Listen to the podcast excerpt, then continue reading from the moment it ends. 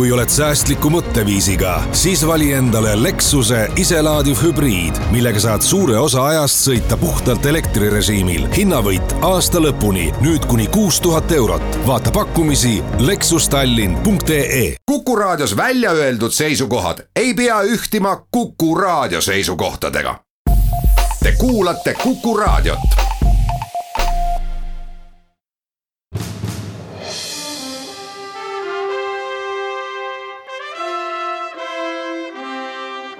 vahetund Postimehega.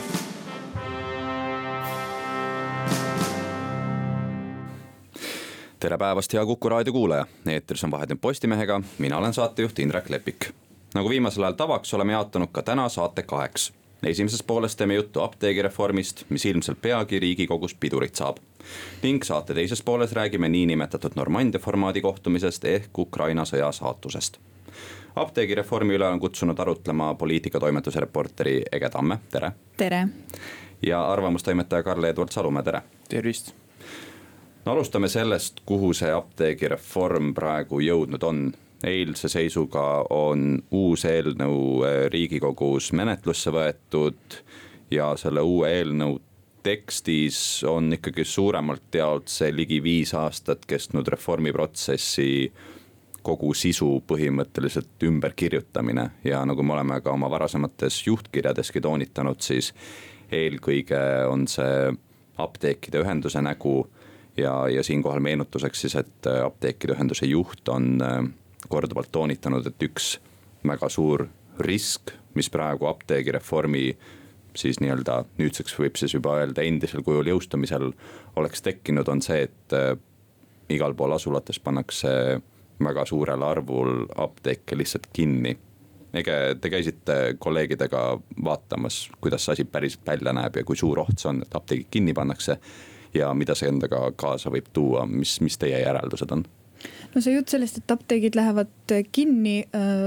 see iseenesest võib tõesti nii olla, kui see reform jõustub, sest et mitmed ei vasta nendele apteegireformi nõuetele, mis siis eeldab, et ükski apteek ei kuulu, ei ole seotud hulgimüüjatega, ravimite hulgimüüjatega ja, ja peab kuuluma viiekümne ühe protsendi ulatuses proviisoritele. aga meie käisime kolmes linnas üle Eesti, mis paistsid silma Äh, nii-öelda apteekide rohkusega. Äh, me käisime Võrus, Haapsalus ja Rakveres, kus siis kesklinnas, neis kõigis on põhimõtteliselt ühel tänaval, mina käisin näiteks Rakveres, on kuus apteeki, mis kõik asuvad nii, et põhimõtteliselt astud ühe uksest välja ja näed juba teist. ja küsimus, mida me siis äh, seal, millele me vastust otsisime, oligi see, et, et mis siis juhtuks, kui mõned neist kinni läheksid ja seda me küsisime siis inimestelt, kes sealt apteekidest nendest erinevatest välja tulid. ja üldine järeldus on see, et ega neid, ähm, nad eriti ei hooliks sellest, kui mõned apteegid kinni läheksid, igaühel oli oma meelisapteek, kus nad äh, käivad, kus nad on harjunud käima ja sageli lihtsalt sellepärast, et seal on väga lahked proviisorid, kellega nad äh, läbi saavad. või siis see asub lihtsalt kodule kõige lähemal ja, ja teistest apteekidest on neil üldjuhul üsna ähm, ükskõik, kui need kinni läheksid no Karl, me oleme ka juhtkirju siin äh, koostades, koordineerides juhtinud tähelepanu tegelikult sellele, et äh, kui vaadata ka seda ravimiameti kaarti, kust tuleb välja, et mis, mis äh, apteegid võiksid kinni minna ja mis on ohus kinni, kinni minemises, siis tegelikult ongi enamik nendest apteekidest on niikuinii Tallinnas ja Tartus ja, ja, ja siis järgnevadki ütleme Eesti mõttes, mõttes siis väiksemad asulad ja, ja nii-öelda maakonnakeskused ja muud linnad, alevid, et. kuidas öelda, apteekide ühenduse jutt on ju olnud nii-öelda ühtpidi faktiliselt tõsi, aga teisalt natukene eksitav. jah, neid apteeke on ikka heldesti küll Eestimaa peale kokku et, et mitte ainult nendes kolmes linnas, kus siis Ege ja, ja teised reporterid meil käisid, vaid Äh, õigupoolest käib sama ka väga paljude teiste kohtade kohta. ja, äh, ja nii ongi jah, et, et ma olen ise ka valmis täiesti uskuma, et, et mitte ainult ütleme osa neist, vaid päris suur osa neist võidaksegi siis reformi jõustumisel kinni panna. aga küsimus ongi selles, et äh, mis siis sellest nagu halvemaks muutub. et noh, okei okay,, ma saan aru, et, et on mingisuguse Eesti väikesema, väikese linna inimene. ja talle öeldakse, et, et siin kodukohas olevast viiest apteegist kaks pannakse kinni. see tähendab seda, et, et võib-olla tal tuleb natukene pikem maa minna, et, et ma nagu väga ei usu, et, et need inimesed kohe niimoodi meelsasti on sellega nõus, sellepärast et äh, Nad on harjunud teistsuguse olukorraga, harjunud kõndima võib-olla kakssada meetrit ja mitte viissada meetrit. aga iseenesest see oleks ikkagi puhtalt ainult harjumise asi ja, ja kui selle apteekide arvu vähenemise üks positiivne kõrvalmõju on see, et, et nende alles jäävate apteekide rohuvalik paraneb äh, lihtsalt puhtalt sellepärast, et niisuguseid enamlevinud ravimeid võetakse korraga suurem kogus sisse, neid müüakse harvem läbi äh, nii et, et inimene saab oma rohud, kui ta läheb mitme järele korraga ühest kohast ja mitte kahest kohast, siis noh, tõepoolest, et objektiivselt tal tegelikult ju midagi halvemaks siis ei lähe. üks selline vastuoluline aspekt kogu teema juures ongi see, et, et võiks ju arvata, et mida rohkem apteeke, seda rohkem ravimeid kõigile. aga nagu ütleb sotsiaalministeeriumi kantsler Marika Priske ja ka Tartu Ülikooli Farmaatsia Instituudi juhataja Ain Raal, siis tegelikult mida rohkem apteeke, siis seda nii-öelda vähem kliente või patsiente jagub ühele apteegile, sest nad on hajutatud. ja kui ja, aga apteek tellib endale ravimivaru selle järgi, kui palju tal kliente käib. nii et võib juhtuda olukord, nagu ka siin tänases Postimehe loos on kaks näidet sellest, kuidas inimene tahab osta endale neli pakki retseptiravimit ja ta peab selleks läbi käima neli apteeki, sellepärast et ühes ei ole piisavalt seda varutud, seda ravimit, et ta saaks selle ühest kohast kätte. ja mida siis siin näiteks Marika Priske ütlebki, et, et kui on vähem apteeke, siis nende nii-öelda patsientide hulk hulk, klientide hulk, kes seal käib, on suurem ja selle võrra varutakse ka rohkem ravimeid. just ja siin tuleks ilmselt ära markeerida ka see, et kurjad keeled on kahtlustanud, et äh,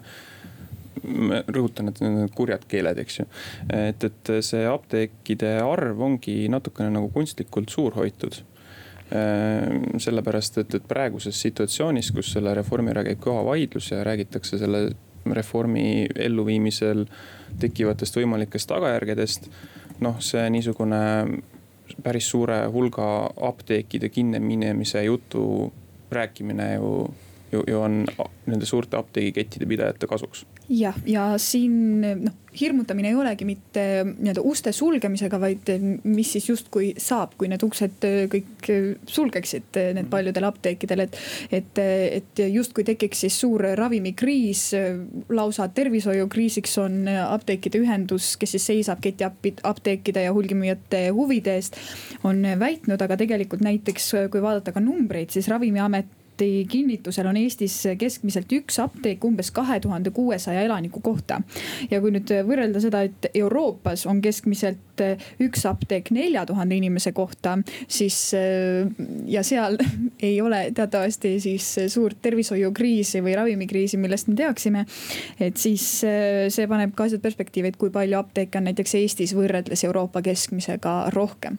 elaniku kohta meie peame siit tegema oma esimese pausi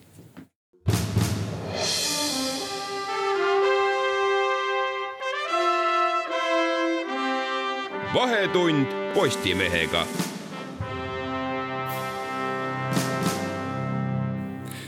ja jätkab Vahetund Postimehega, stuudios on Postimehe ajakirjanikud Ege Tamm, Karl-Edward Salumäe ja Indrek Lepik, räägime apteegireformist. no mul on siin ees praegu Ravimiameti kaart, kus on äh, kirjas siis need apteegid, mis vastavad nõuetele, mis ei vasta nõuetele ja, ja ka need, mis on osaliselt äh, proviisori omandis äh, neid mittevastavaid apteeke on tegelikult siin äh, veidi üle kolmesaja. aga neist omakorda enam kui kolmandik äh, ongi tegelikult Tallinnas ja neid piirkondi, kus äh, on üksnes mittevastavad apteegid. on ikkagi, on ikkagi suhteliselt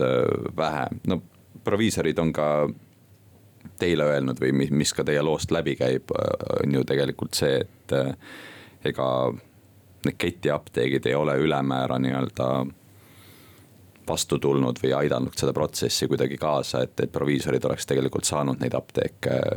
omandada, ehk siis tegelikult see olukord, kus väga paljud apteegid ei olegi jõudnud proviisorite enamusomandisse. on ütleme natuke mitmetahulisem küsimus kui üksnes see, kas nad tahavad või nad ei taha jah, siin on viis aastat oli see üleminekuperiood, kus siis oleks pidanud suurem osa nendest apteekidest minema proviisoromandisse, et see reform saaks jõustuda tuleva aasta aprillis. aga siin on tõesti mitu asja, et ühelt, ühest, et ketiapteegid ei ole olnud altid neid müüma kui ka nende poole on pöördutud. aga ühelt poolt on ka see ka mõistetav, et kui neil on aega iseenesest ma ei tea, kas siis mitu aastat või siis äh, kasvõi pool aastat veel selleni, kui nad peavad seda, need oma apteegid loovutama, siis äh, olekski majanduslikult võib-olla ebamõistlik neil enne ära anda, kui see tegelikult äh, nii-öelda seadus nõuab. aga eks see on sihuke küsimus ka, et, et kuivõrd nad pidasid tõenäoliseks algusest peale, et see reform üldse jõustub. et äh, me teame, et on käinud kõva lobitöö aastaid, et see asi ümber pöörataks, et seda juhtuks, et ja nüüd noh, see ongi nii läinud.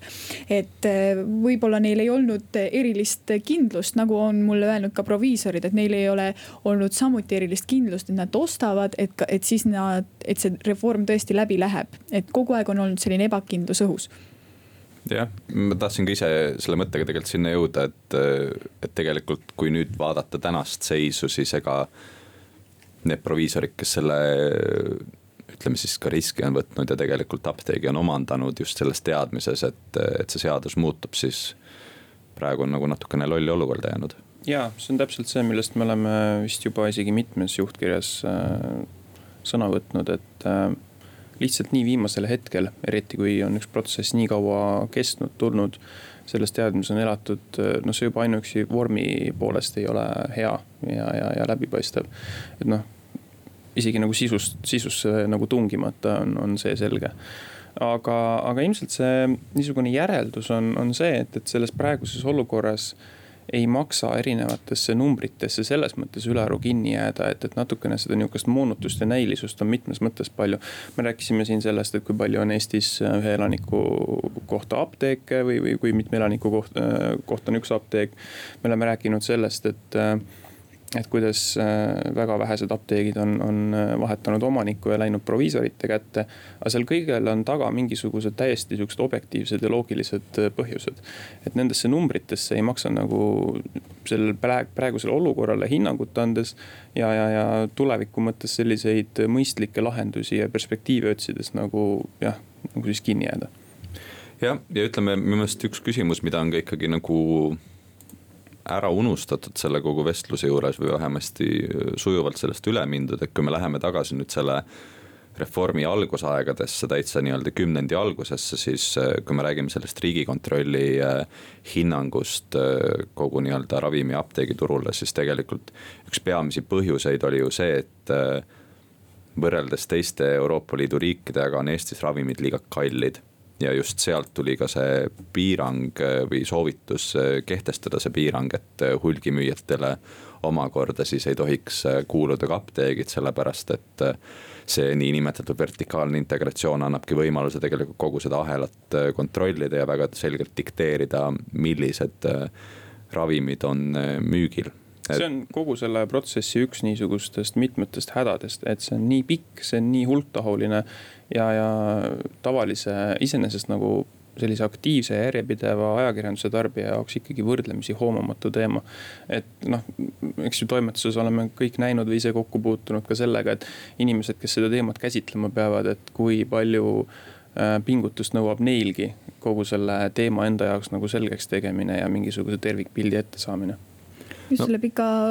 ajaloo tõttu, eks ju, ja selle tõttu, et, et see viieaastane periood äh, anti üleminekuks, et äh, siin on olnud äh, ma arvan, et võib-olla võib ka natuke tuhka pähe raputada selles osas, et selle viie aasta jooksul ei ole võib-olla ka ajakirjandus sellest nii palju rääkinud või teemat tõstatanud, et mis seisus üleminek on ja nii edasi. et praegu on ka väga intensiivselt nüüd sügisel, kui ka ajakirjanduses see teema tõstatus. aga et põhiliselt on pildil olnud eh, ikkagi seesama Eesti Apteekide Ühendus, mis ketiapteekide huve esindab ja pigem on proviisorid ja need teised aspektid jäänud tagaplaanile. et nüüd me olemegi nii-öelda jõudnud sellesse olukorda, kus need, eh, kus tühistamise eelnõu on saadetud riigikokku arutamisele. ja tegelikult seda eelnõud lugedes, seal võib eh, tõmmata väga selgeid paralleele minu arvates eh, Eesti Apteekide Ühenduse kõigi jutupunktidega, seal on isegi nii-öelda samas raamistusega esitatud neid fakte ja muud, et.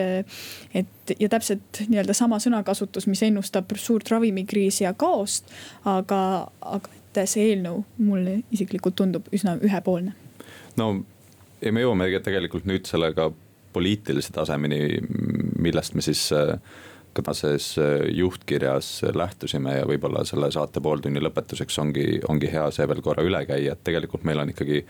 valitsuses sotsiaalminister, kes on seda reformi toetanud, seda jätkuvalt oma sõnades toetab aga ülejäänud valitsuskoalitsioon, seejuures tema enda erakonnakaaslane, kes on siis omakorda riigikogus seda teemat juhtinud, Tõnis Mölder on otsustanud, et, et, et sotsiaalministri arvamus siinkohal nagu ülemäära arvesse ei lähe. kummaline olukord, kas pole? et vabandust, ma segan. ei, lihtsalt ma tahtsingi öelda seda, et, et otsigem, otsigem seletust, otsigem põhjust, otsigem motiivi, millest on selline, selline hektiline olukord tekkinud et, et tõepoolest, loomulikult siin tuleb rõhutada seda, et seadusi võtab meil vastu riigikogu, mitte minister. aga lihtsalt see olukord oma eos, oma olemuselt, kus selle valdkonna eest vastutav minister oma arvamusega jääb üksi, sealhulgas isegi oma erakonnakaaslaste seas, no see on veider aga eks siin paistab võib-olla ka just selle Tanel Kiige kommentaari osas, et paistab välja seesama nii-öelda kompromisside valitsus, mis meil on, et äh, lepime lihtsalt kokku ja võib ju öelda välja, et mina arvan teisiti, aga kokkulepe on selline ja, ja nii ta siis lähebki. jah, äh, selle tõdemusega paraku peame siis saate pooltunnile joone alla tõmbama, nagu saate alguses sai mainitud, siis äh, uus eelnõu, millega siis see reformiprotsess sisuliselt lõpetatakse, jõudis eile riigikogusse, seal ta läbib siis oma tavapärased äh, menetlusstaadiumid, kuniks siis äh, jõuab lõpphääletuseni ja vaadates siis praegust nii-öelda üksmeelt, siis küllap ta jõuab ka selleni, et see reform äh, katkestatakse. Aga selline oli saate esimene pooltund,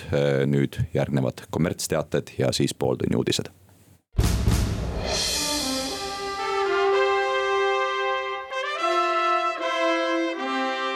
vahetund Postimehega.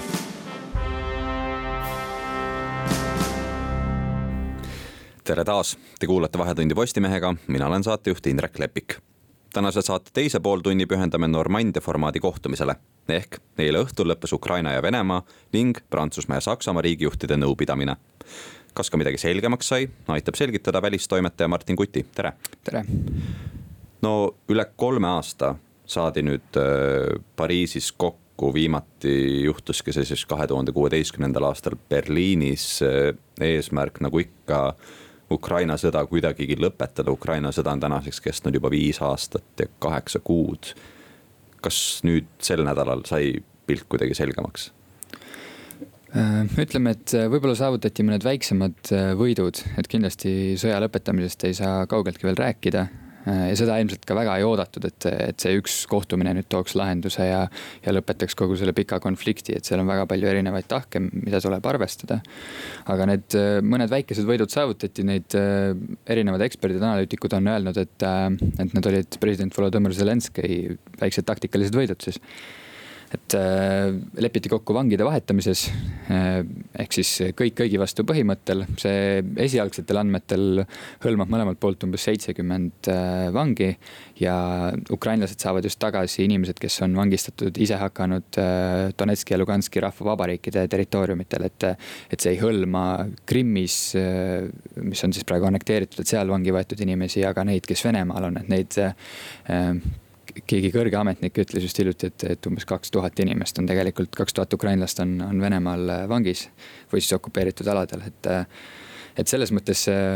see vangide vahetamine on, on, on nagu järgmine samm sellele, mis, mis toimus septembri alguses, mil äh, vahetati kolmkümmend viis ja kolmkümmend viis vangi, siis. Äh, siis sai Ukraina tagasi näiteks režissöör äh, Oleg Sentsovi, kes, kes on sihuke väga kõrge profiiliga vang oli, kes, kes jõudis väga palju uudistesse, kellest räägiti pidevalt, et. ja vene, venelased samas said tagasi siis Volodõmõr Tsemahhi, kes, kes on seotud MH seitseteist reisilennuki allatulistamisega, et et äh, seal selle juures muidugi ka räägiti, et, et kellele see nüüd kasulikum oli. aga kui me vangide vahetamise juurest edasi liigume, siis äh, üritatakse saavutada uut relvarahu Donbassis, et. et varasemalt on seda muidugi umbes kakskümmend korda juba tehtud ja ükski neist ei ole pidama jäänud, et et äh, esimene, see kohtumise järgne päev siis ei toonud ka mingisugust muutust, et äh, Ukraina relvajõud andsid teada, et üksteist korda ründasid äh, Venemaa poolt toetatud okupatsiooniväed siis Ukraina positsioone ja kasutades näiteks ka Minski lepetega keelatud kaheksakümne kahe millimeetriseid miinipildujaid, et. et selles, et koheselt midagi nüüd muutunud ei ole, aga eks lepitigi kokku, et, et relvarahu tuleks saavutada aasta lõpuks ja no,. küsin korra vahele, et kas Vladimir Putin nagu iseennast ikkagi presenteerib siis nii-öelda pigem äh, nende niinimetatud rahvavabariikide patroonina või, või on ju, on ju veidi imelik, et, äh, et ühtpidi toimub nii-öelda vangide vahetus ja, ja teisalt Venemaa jällegi ikkagi nagu jätkuvalt äh, kinnitab seda, et nemad ei ole need, kes on Ukrainaga sõjas, vaid et, et see on justkui midagi nagu kodusõjalaadset. selline lollitamine jätkus, jätkus ka Pariisis nüüd, et, et no kui Putinit kirjeldati seal kohtumisel kui, et sihukese endale omase ülbusega ta seal oli, et sihuke võib-olla huvitav nüanss tuli välja päev hiljem, kui Putin ütles siis ajakirjandusele, et et, et ukrainlased tahaksid justkui hakata Donbassi aladel äh, veresauna korraldama, et, et kui Ukraina armee hakkaks seal äh, piiri kontrollima, et siis nad, siis lastaks maha lihtsalt inimesed, kes, kes seal on, et. et ta mängib seda vene kogukonna ja venekeelse kogukonna kaitsekaarti, mida ta on kogu aeg mänginud ja. aga jah, see lollitamine jätkub, et, et, et kas, kas me nüüd oleme seal kohal või ei ole, et, et noh, kõik tõendid näitavad, et, et Vene väed on seal kohal. on erioperaatorid on seal sees, Vene tehnika et, et aga ametlik seisukoht tõesti on sihuke lahknev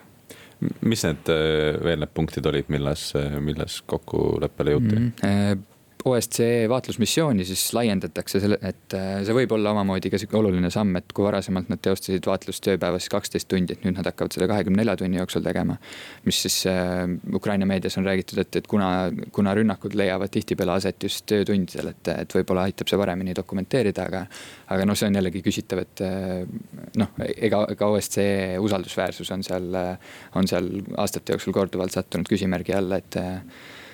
noh, tahaks loota, et, et organisatsioon suudab jääda neutraalseks, et, et ta on neutraalne, aga, aga noh. loot-, loodetavasti see mandaadi suurendamine või laiendamine aitab kaasa natukene. ja lepiti kokku ka selles, et, et kolmel punktil või kolmes punktis rindejoonel siis lahutatakse veel vägesid enne, enne märtsi lõppu, et aga nagu Jaanus Piirsalu ka tänases artiklis mainis, siis et rindejoon on nelisada kilomeetrit pikk ja kui praegu nüüd siis selle kohtumise toimumise eeltingimuseks oli see, et väed lahutatakse kolmes punktis. et kui siis kolmes punktis veel lahutada, et see jätab ikkagi, ikkagi sadu kilomeetreid veel, kus, kus võivad kokkupõrked eh, toimuda no kohtumise eel keskendus eh, päris palju meediakajastusest sellele, et, eh,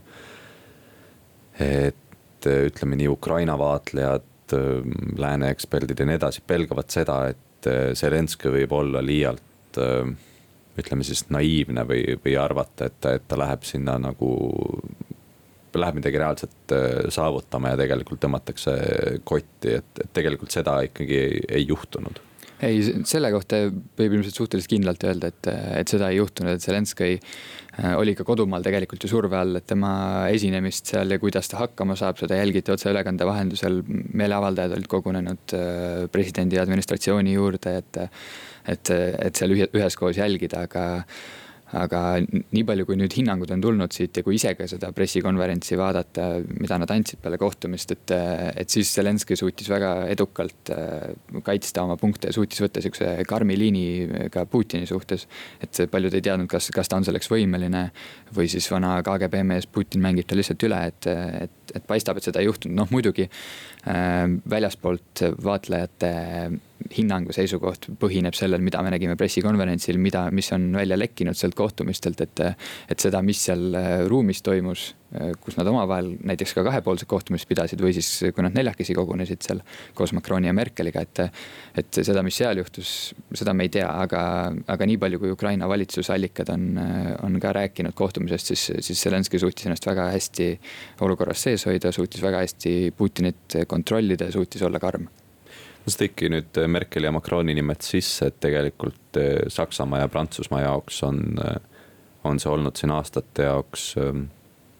Kui nüüd mitte prioriteet, siis vähemasti selline huviobjekt, et, et seda konflikti vahendada ja nüüd eriti Emmanuel Macron kes ju tegelikult viimase kohtumise ajal, mis Berliinis toimus kaks tuhat kuusteist, ei olnudki tegelikult Prantsusmaa president. et tema on endale võtnud küll ikkagi viimasel ajal väga selge sellise suuna, et tema läheb nii-öelda Putiniga läbi rääkima ja, ja me siin ka ise esmaspäevases juhtkirjas tegelikult toonitasime seda, et, et noh, ei saa olla nii naiivne, et uuesti mingit reset'i minna jahtima, et kuidas sa ise Macroni käitumist hindaksid või on, on selgelt aktiveerumist ju näha? no näha on jah, et, et Prantsusmaa üritab, et noh, ega tegelikult kui vaadata Saksamaa poliitilist kliimat, siis ka seal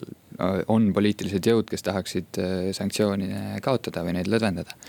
et äh, ma mõnes mõttes tooksin võib-olla paralleeli Macroni ja, ja Zelenskõi vahel siin, et äh, mõlemad äh, mõtlesid, et Putiniga on võimalik läbi rääkida, aga see, võib-olla see Normandia neliku kohtumine nüüd ongi märk sellest, et nad peavad saama kätte oma, kas siis vitsad või siis sa-, saavutama seal edu. et läbirääkimistes Putiniga just, et, et nad, nad peavad ise selles veenduma, et kas temaga on võimalik läbi rääkida või mitte, et et äh, eks Zelenskõit ju ka hoiatati enne ka Petro Porošenko poolt, kes eel-, kes oli eelmine Ukraina president, et. et Putiniga ei ole võimalik läbi rääkida, ta manipuleerib ja, ja muidu halb inimene. aga et noh, selles mõttes, et äh, Ukrainal on kindlasti kaotada väga palju, kui seal peaks olema, kui peaks tekkima olukord, et, et Prantsusmaa ja ka Saksamaa näiteks hakkaksid äh, otsima väga, väga tihedaid suhteid Venemaaga, et siis ollakse valmis unustama erinevad probleemid ja nagu ka hiljuti siin välja toodi, et kas see oli Marko Mihkelsoni arvamuslugu vist, et et, et nüüd plaksutatakse käsi selle peale, kui, kui Venemaa annab tagasi näiteks laevad Ukrainale, mille nad on ebaseaduslikult ära võtnud, et. et sellised väikesed sammud, Venemaa on suutnud olukorra viia nii kaugele. et, et, et väga väikeste asjade pärast ollakse õnnelikud ja nähakse seal suhete soojenemise ja konflikti lõpetamise märke. kui neid võib-olla ei peaks seal nägema üldsegi. jah kui mainisin alguses, et äh, sõda on kestnud viis aastat ja kaheksa kuud, siis tegelikult ka see sanktsioonide režiim on ju tänaseks äh, ka sisuliselt viis aastat kestnud, et eks oligi ju järg täpselt sellele äh, MH seitseteist reisilennuki allatulistamisele, nii et eks mõistagi on viis aastat pikk aeg ja nii mõneski poliitilises jõus tekitab see teatavat väsimust või vähemasti soovi olukorda muuta, aga meie teeme siit praegu pausi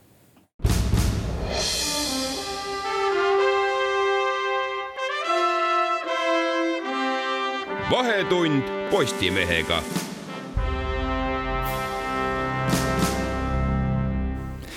Ja jätkab Vahetund Postimehega, stuudios on Postimehe ajakirjanikud Martin Kuti ja Indrek Lepik. räägime Ukraina sõjast, selle lahendamiseks kokku kutsutud Normandia formaadist ja nädala alguses toimunud kohtumisest Pariisis, mis siis otsis sellele konfliktile mingitki lahendust no me jõudsime oma vestlusega just Saksamaa ja Prantsusmaa juurde,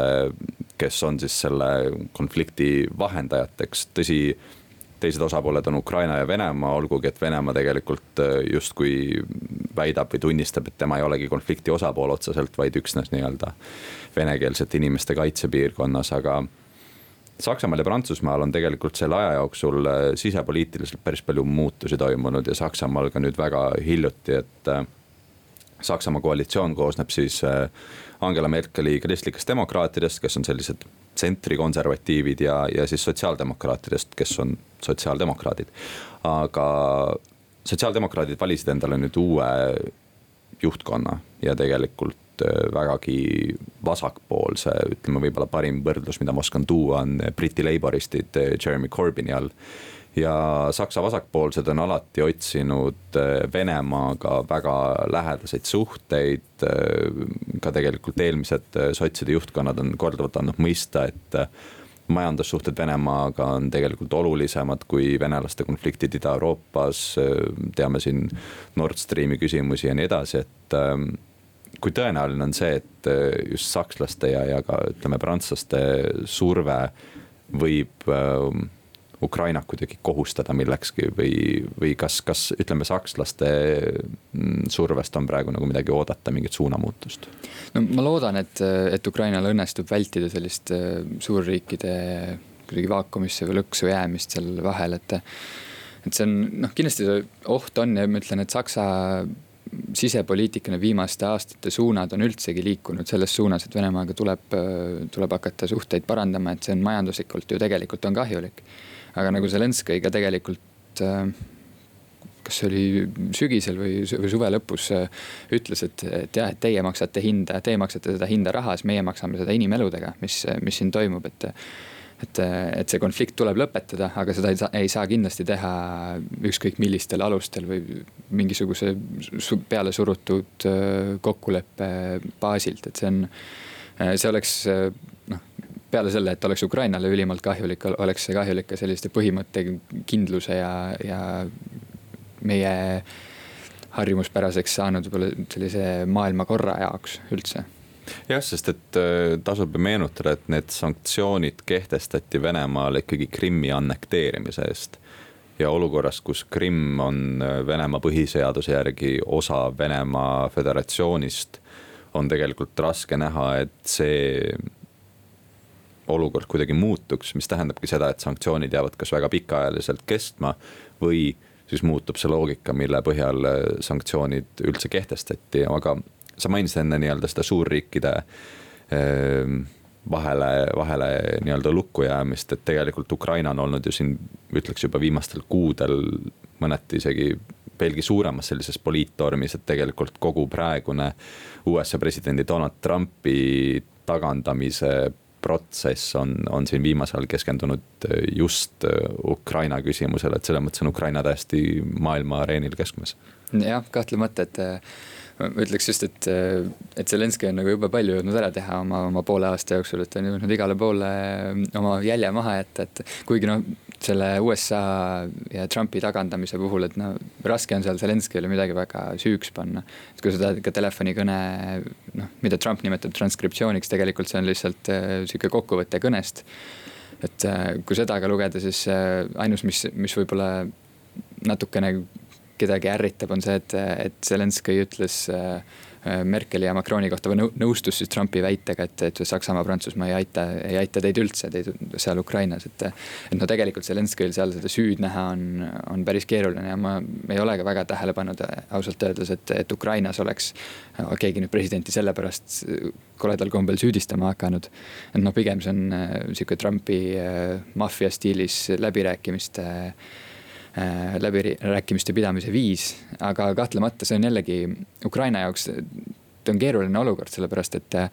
kui on üritatud aastakümneid tegelikult hoida häid suhteid nii vabariiklaste kui demokraatidega, siis nüüd on selline tõsine oht, et sa ühe, ühe leeri sealt või ühe poole äh, vihastad välja ja see võib tuua mingit pidi kaasa tagajärjed, et noh, Trumpi puhul ei tea kunagi ette, et tema sihuke impulsiivne stiil isegi kui Zelenskõi midagi halba ei tee, aga kui ta näiteks ei kiida takka, siis võib see olla juba, juba tema jaoks probleem, et. et see on jah, Ukraina on sihuke väga halba keerisesse tõmmatud praegu, et mida, mida rohkem õnnestuks nendest suurtest võimumängudest välja, väljaspool olla ja ajada oma asja, seda, seda parem oleks see riigile ehkki äraspidisel viisil on ju tegelikult vähemasti sellest kasu olnud, et Ukraina sõda ei ole keegi unustanud. et, et kui me mõtleme siin näiteks äh, noh, kui Euroopale lähemalegi vaadata, siis äh, seda, et näiteks Gruusias ju Abhaasia ja Lõuna-Osseetia okupeeritud on, seda me võtame lihtsalt iseenesestmõistetavana ja tegelikult seda, et venelased siiamaani neid äh, ajutisi piiripunkte veel nii-öelda peaaegu et meeter haaval kogu aeg edasi tõstavad, et, et see on juba nagu justkui selline tavapärane praktika, rääkimata siin unustamise mõttes ka Süüria sõjast või sellest, mis toimub Liibüas, et tegelikult vähemasti on nii-öelda Ukraina sõda keskmes ja, ja eks see uus Normandia kohtumine ju tegelikult annab ka tõestust sellest, et on. jah, äh, ma ütlekski, et tegelikult võib-olla üks kõige suuremaid võite, mis, mis Pariisis saavutati see nädal, oligi see, et see kohtumine üldse toimus, et ta oli ju tegelikult. sedasama ühe, ühe punkti pärast oli ta, ei olnud toimunud mitu aastat ühtegi kohtumist, kolm aastat, siis see probleem oli selles, et, et kuidas anda tagasi need kuidas, millal saab Ukraina tagasi okupeeritud alad. et Putin surus äh, ka sel nädalal sedasama küsimust või sedasama seisukohta, et, et kõigepealt valimised ja siis muu siis saate, et päev pärast valimisi saate te tagasi oma, oma alad, aga kas, kas nüüd peale rohkem kui viite aastat Ukraina konflikti saab usaldada Venemaa poolt sellist lubadust, et jah, teeme me valimised ära anname legitiimsuse võimudele, kes seal on, eks, et kes on tegelikult ebaseaduslikud moodustised.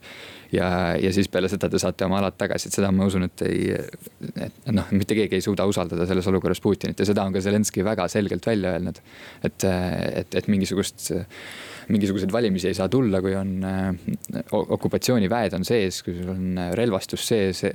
erinevad relvarühmitused, et, et, et see ei ole võimalik, aga aga jah, ma ütlen, et ka väikeste riikide ülesanne on see jätkuvalt meelde tuletada seda konflikti, et no praegu ei ole jah vaja, et, et kuna see Ukraina konflikt on, on igatepidi maailmas suures pildis, siis, siis ma arvan, et ka see, kui Zelenskõi paar nädalat tagasi Eestis käis, et ta sai siit tegelikult noh, tugeva sõnumi. me, me ei pruugi olla teab mis suur äh,, suur toetaja või suur, suur jõud selja taga. aga me oleme, nagu ta ise ka märkis pressikonverentsil äh,, siis me oleme äh, inimese kohta kõige suurem aitaja Ukrainas, et. et, et ka selliste kindlameelsete liitlaste olemasolu tähendab väga palju, et, et on palju väiksem tõenäosus, et, et meie riigis hakatakse vaatama ühel hetkel näiteks erinevate teiste erakondade valitsusse pääsemisel hakatakse ümber kujundama riiklikke seisukohti selle osas, mis toimub Ukrainas. et seda ma kohe kindlasti ei näe, et kui suuremates riikides võib-olla on, on see oht suurem ja kui sellest Normandia kohtumisest veel lõpetuseks rääkida, siis eks tegelikult äh, Venemaal oli ka ju Donbassiga palju suurem plaan, et tegelikult see, et need kaks sellist rudimenti sinna jäänud on äh, Luganski ja Donetski äh, niinimetatud rahvavabariikidena ei ole ju lõpuni Venemaale kasulik, sest et see on ikkagi miski, mis, mis tõmbab nii-öelda ressursse eemale nojah, ta on kindlasti kulukas, on, on ka seda sõda seal pidada, sest tegelikult ju me näeme iga, igapäevaselt põhimõtteliselt on relvarahu rikkumised, on konfliktid.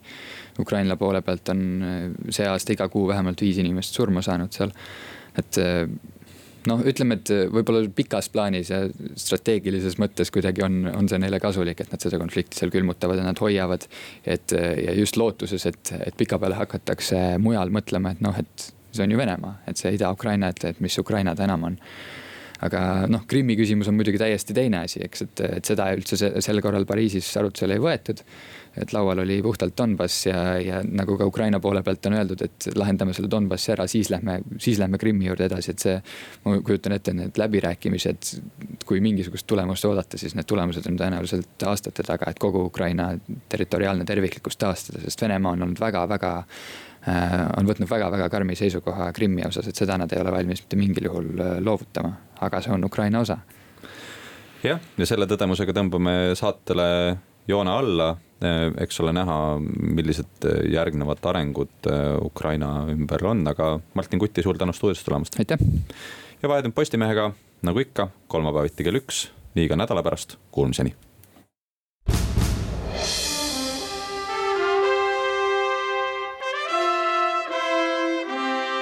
vahetund Postimehega